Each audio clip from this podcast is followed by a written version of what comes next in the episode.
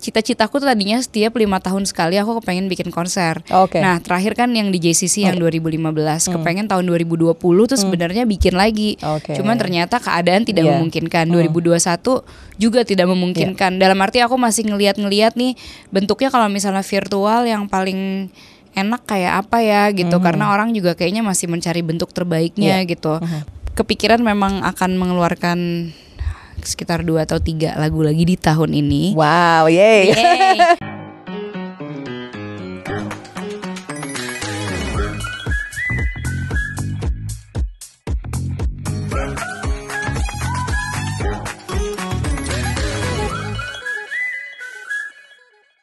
Bravo Radio, the smooth sound on radio. Bravo listeners, Anda masih mendengarkan Bravo Radio melalui streaming di bravaradio.com slash streaming, aplikasi Bravo Radio, dan juga melalui video.com. Welcome to Hot Seat, Bravo listeners. Anda bersama saya Farah Tubagus, dan kali ini tamu saya di Studio Brava nih, pasti udah nggak asing lagi Bravo listeners dengan suaranya. Ini sering banget Anda dengarkan di Brava. Lagu-lagunya dia nih ada di Brava Brava listeners. So langsung aja let's welcome Andin. Hello. Hai Andin, apa Hai, kabar? Baik banget. Thank Aku you. lagi terpesona dengerin suaranya bagus banget ya. Eh nggak usah Eh, gitu, aku gak enak. Beneran ya gitu. Farah tuh bagus cie gitu. Iya, Karena tuh bagus Iya, suaranya iya. doang ya gitu. Apalagi suara lo Ndin ya ampun gitu kan. Aduh. Thank you ya udah datang ke Sarina. Sama-sama. Dan kayaknya lu udah udah ini kan Sarina sebenarnya kan baru baru lumayan baru buka Revamp, lagi ya. iya. Lo udah udah sempat jalan-jalan kemarin. Udah udah sempat jalan-jalan. Aku beberapa waktu lalu waktu baru soft opening udah sempat jalan-jalan. Menurutku keren banget karena eh, ya selain kayak dari memang masih preserving Indonesian Ya. culture dan heritage dan yang lainnya, tapi di satu sisi juga em, kayak dari arsitekturnya dipikirin banget. Iya. Terus ada sentuhan-sentuhan yang minimalisnya juga Yes. gitu. Jadi apa ya sangat eh, relevan gitu dengan zaman sekarang. Terus ya aku sih nggak sabar nunggu nanti grand launching sih sebenarnya grand Iya. openingnya. Grand opening ya. Kayak Pas masuk sini sempat pangling sih apalagi gue kan kerja di Sarina. Tamber ini jadi pas masuk tuh kayak wow iya, karena tadinya kan kayak mungkin masuk langsung kayak oh Dunkin Donat terus Iya, iya. apa gitu. Aku tadi pas ditunjukin eh, ini liftnya yang mana ya ke radio. Wah ini kan tadinya toko kaset yang Iya, di sini terus kayak berubah gitu. Oke. ya ampun tau kaset itu apa kabarnya yang di pojokan Yoi, itu ya Tapi ternyata masih ada di atas. Iya dipindahin ke atas Iya dipindahin. Wah emang legend banget tuh berarti ya Ah. Nah lo em, baru kalau nggak salah nih awal tahun ini Februari baru merayakan 22 tahun Betul. berkarya di industri musik Ini Yes. lo mulai dari umur 14 ya 14. Nah sampai sekarang nih lo ada nggak sih sempet kayak merasa penat atau mungkin gimana ya ber- berkarya tuh gimana buat lo? Apakah ngalir terus atau gimana nih? Hmm, Iya, sebenarnya kalau nggak dibilang mengalir terus sih juga nggak juga sih. Dalam Hmm. arti pasti aku juga ngalamin kayak ada proses yang memberatkan. Biasanya sih yang paling berat itu yang ngelawan diri sendirinya gitu ya. Aku Oke. dengan segala pikiranku dan yang Hmm. lainnya. Hmm. Sebenarnya kalau musiknya sendiri kayak kecintaanku terhadap musiknya tuh ya nggak pernah diragukan lah ya. Iya. Maksudnya aku emang suka nyanyi, suka bermusik gitu. Mhm. Kadang-kadang yang suka bikin nyerah gitu di jalan adalah kayak industrinya. Oke. Dalam arti sebenarnya kan aku waktu pertama kali ngawalin nyanyi kayak nyanyi rekaman masih pakai pita, outputnya masih Hmm, kaset, kemudian iya. ganti jadi CD, kemudian ganti jadi eh, apa MP3, RBT apa sam- Iya, sampai kayaknya iya. jadi kayak sekarang gitu kan yang streaming di mana-mana. Dalam arti itu kan hanya eh, apa recordingnya gitu. Tapi kalau dari industrinya sendiri itu kan juga ya banyaklah eh, hal-hal yang sebenarnya jadi jadi berevolusi juga Iya, gitu. iya. Nah itu yang kadang-kadang aku kayak bisa nggak ya gue gitu. Ada semacam Dan eh, tadi lo bilang streaming, sementara konser yang 22 tahun lo kemarin itu juga eh, streaming kan ya? Iya, betul. Yang dengan temanya dan lalu itu. Betul. Dan lo bisa gimana tuh? Pas itu apakah itu konser pertama Iya. streaming? Ya, Iya, konser Oke. pertama yang streaming. Ja- Sebenarnya bukan streaming sih, jadi bentuknya lebih seperti film. Virtual karena kalau gitu ya? Iya, karena Oke. kalau streaming kan kayak live gitu Mhm, kan. mhm. Ini sebenarnya udah pre-recorded. Oke. Jadi sebenarnya cita-citaku tuh tadinya setiap lima tahun sekali aku kepengen bikin konser. Oke. Nah terakhir kan yang di JCC yang 2015, kepengen tahun 2020 tuh sebenarnya bikin lagi. Hmm. Oke. Cuman ternyata keadaan tidak Iya. memungkinkan. 2021 juga tidak memungkinkan. Iya. Dalam arti aku masih ngeliat-ngeliat nih bentuknya kalau misalnya virtual yang paling enak kayak apa ya gitu karena orang juga kayaknya masih mencari bentuk terbaiknya Hmm. Iya. gitu. Kalau misalnya cuman kayak oke panggung terus disiarin gitu doang tuh works nggak sih gitu Iya, karena kayaknya nggak ada yang ngalahin vibe beneran gitu dari panggung terus penonton gitu. Iya, Jadi akhirnya energinya beda ya. Uh-uh, Mhm. Tapi in some ways justru aku merasa begini kemarin sebelum aku bikin Iya, si pertunjukan itu ya. Eh tapi ini kan pandeminya udah mau berakhir. Hmm. Kayaknya gue pengen deh kayak punya satu apa ya satu hal yang aku Iya. ingat eh, karya selama pandemi, Pandemi, ini iya, gitu. Yang oke. kayaknya kalau lagi nggak pandemi gue juga nggak bakal Iya, bikin tuh iya, kayak iya. gitu Uh-huh. gitu.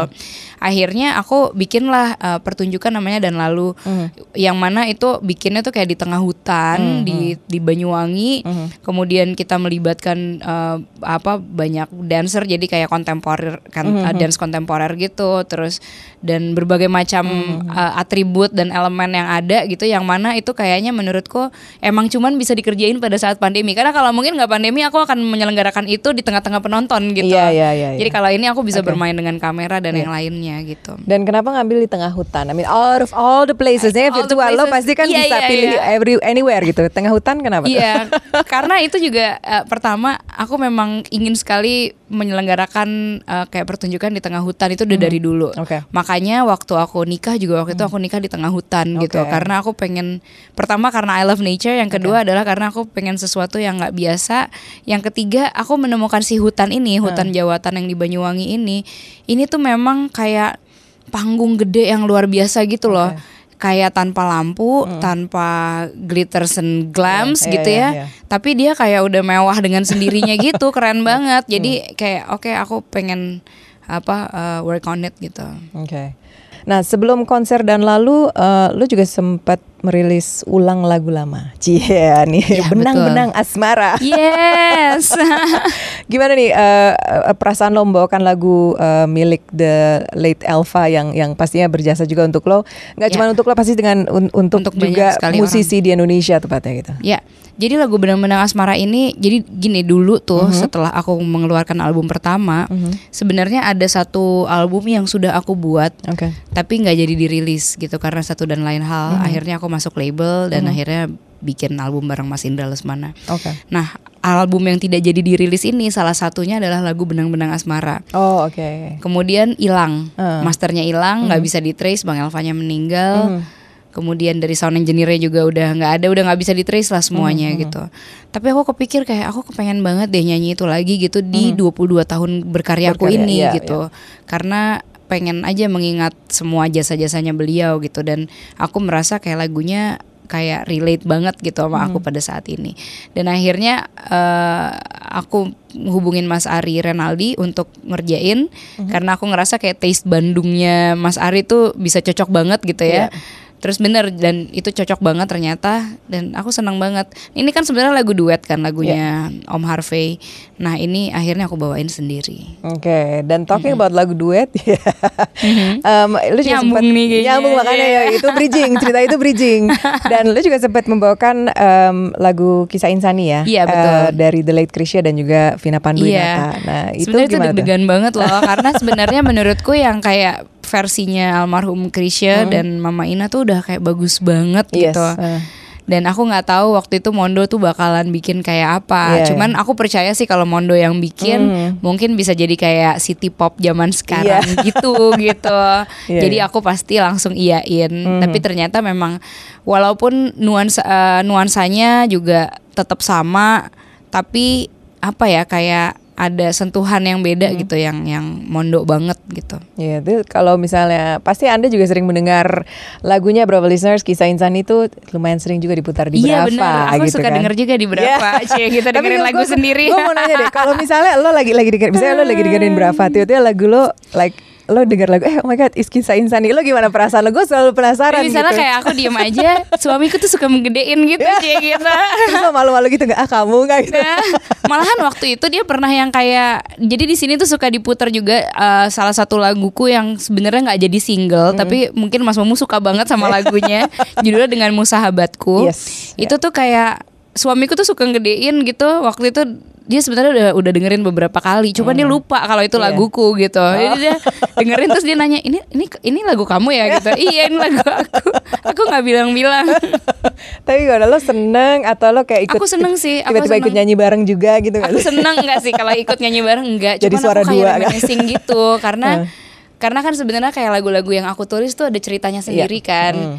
apalagi lagu-lagu yang lama gitu. Kalau yang baru-baru ini mungkin kayak ceritanya juga masih baru gitu. Cuman kalau Hmm. ceritanya udah lama tuh kadang-kadang aku suka ngerasa oh my god dulu gue pernah ngalamin ini ya gitu Oke, jadi mungkin kalau loh misalnya soalnya. Anda berapa listeners pengen tahu sedikit tentang Andin dengerin lah lagu-lagunya dia ternyata Yes, betul. itu semua ada udang di balik batu kan? ceritanya apalagi tuh yang dengan musahabatku itu Iya, iya, aduh iya. Oke, jadi nah tuh berapa listeners kalau nggak usah jauh-jauh cari tahu tentang Andin dengerin aja lagu-lagunya.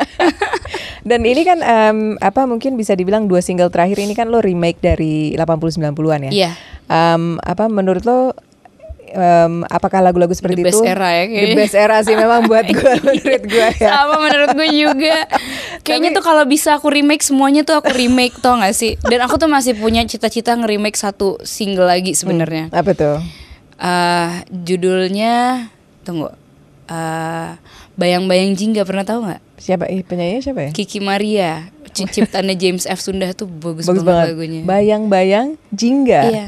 Uh. Matahari senja menghias cakrawa bayang-bayang jingga gitu deh pokoknya lagunya Lagi dong. Ya. Ih, gitu. Coba gue kayaknya kurang tahu deh. Coba lo harus nyanyiin full lagunya dulu. Bener nih, aku nyanyiin durasi durasi. durasi durasi. Oh iya, cuma lima menit ya per interview.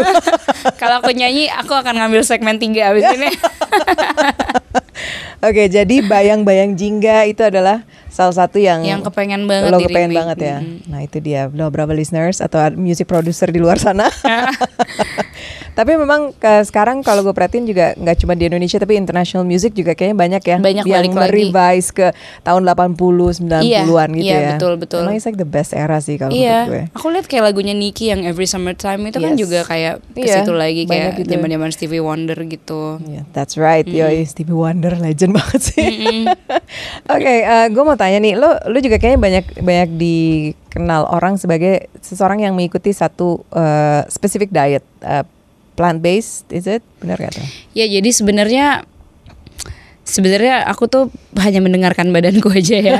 Jadi waktu aku hamil kemarin Hmm. ini kan anakku baru dua tahun nih, tapi waktu kayak dua tahun yang lalu sempat waktu lagi hamil, memang kayak badanku sendiri yang agak menolak untuk mengkonsumsi Oh, oke. daging gitu. Oke. Jadi kayak mual, terus eh, nggak suka baunya Hmm, gitu-gitu. Jadi akhirnya waktu itu aku eh, jadi vegan Oke. gitu tapi eh, setelah hamil sebenarnya aku setelah melahirkan aku mulai agak kayak eh, lebih fleksibel sih sebenarnya gitu jadi dari veg- dari jadi vegan akhirnya sekarang aku memutuskan untuk menjadi flexitarian jadi tetap plant based yang eh, mostly jadi predominantly plant based Plant-based, gitu oke.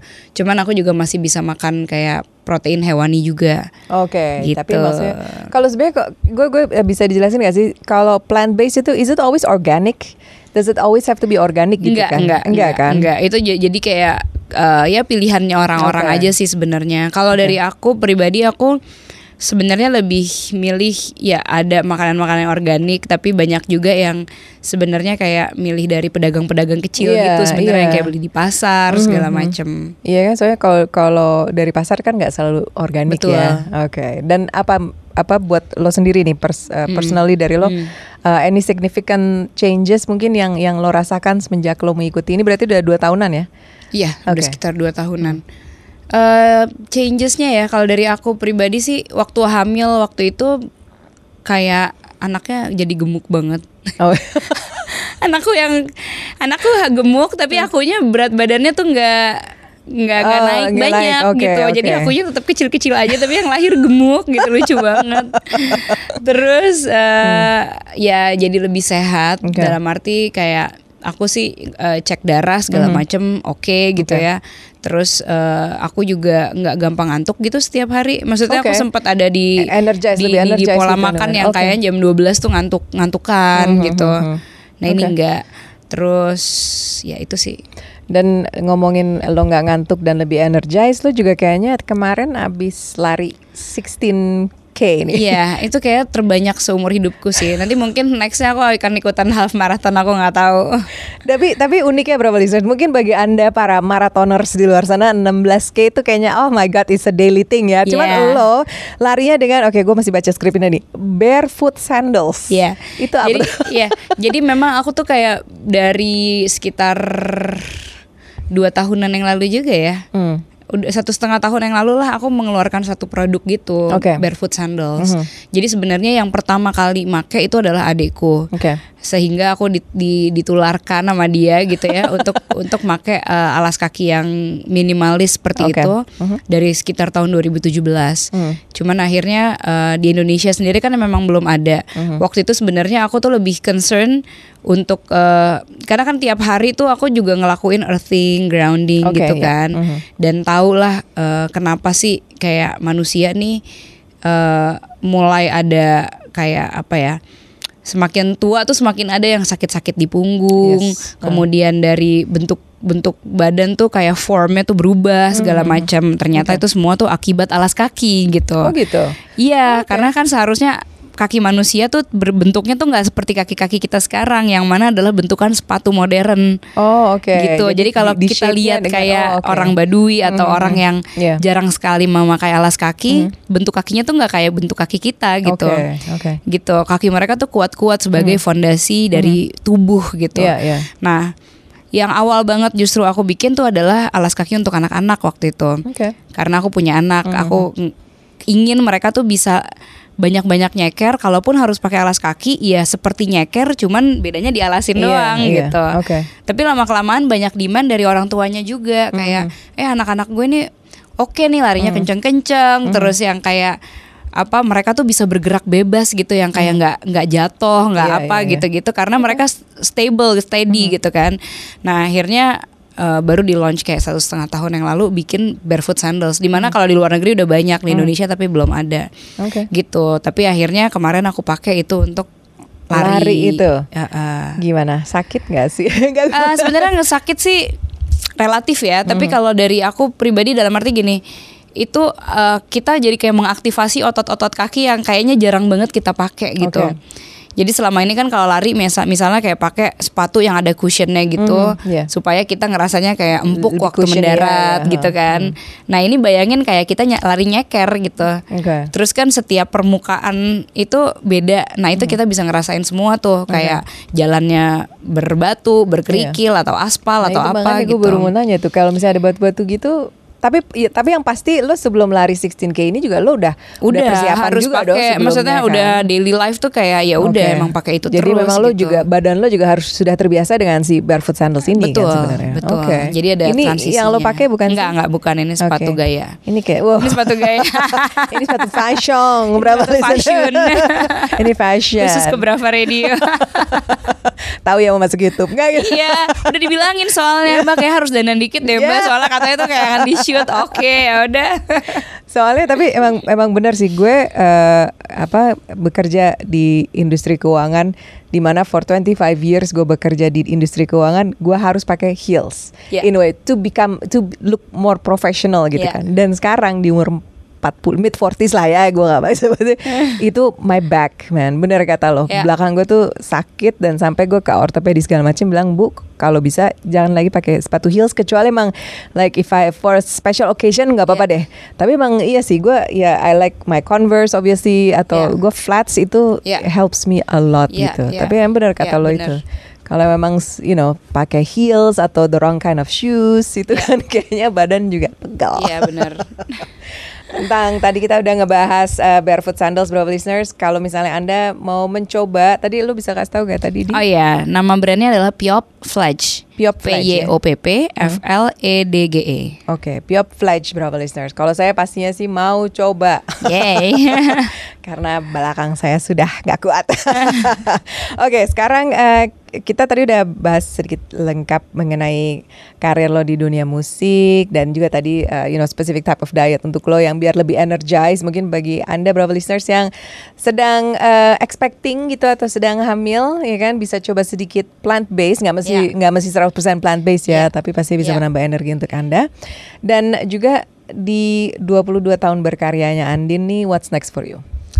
What's next? Aku kepikiran memang akan mengeluarkan sekitar dua atau tiga lagu lagi di tahun ini. Wow, yay. Yeay. Tapi aku pribadi sebenarnya um, karena si 22 tahun berkarya ini sebenarnya aku tuh lagi pengen mencari dan bukan mencari sih eksplorasi ke medium-medium yang berbeda dan belum pernah aku lakuin gitu. Oke. Kayak sesuatu seperti konser virtual kemarin aku belum pernah lakuin gitu Yeah. dengan format yang seperti aku belum pernah lakukan. Kemudian aku juga makanya nih lagi mencoba untuk uh, work on NFTs Yes. juga gitu sehingga nanti kayaknya mungkin dalam satu dua bulan ke depan bisa di launch Oke. jadi kolaborasi antara musik dan ilustrasi gitu Mhm, oke. dan animasi jadi kayak apa namanya ya nggak pernah berhenti ngulik sih Oke, jadi lo akan oke, we're talking about NFT karena memang sekarang NFT itu eh, para musician juga banyak ya betul masuk ke ke Betul. dunia NFT ini. Jadi lo selain musik lo akan ada ilustrasi juga. ya jadi ilustrasinya aku kolaborasi dengan ilustrator Oke. tapi di situ aku yang eh, iniin musiknya isi Oke. musiknya Dan ini akan launch sekitar dua bulanan lagi. ya Oke, Bravo listeners. Bagi anda yang suka eh, trading atau suka investasi di Yeay. NFT, launchnya di Sarinah kok nanti Wow, oke. Yeay. Nanti gue mau lihat ah. kita harus kerja sama berarti nanti Dan eh, misalnya Anda penasaran NFT-nya seperti apa, kurang lebih dua bulan lagi Andin akan merilis NFT music dan illustration. That's interesting. Gue belum Yeah. pernah dengar ada kombinasi music illustration.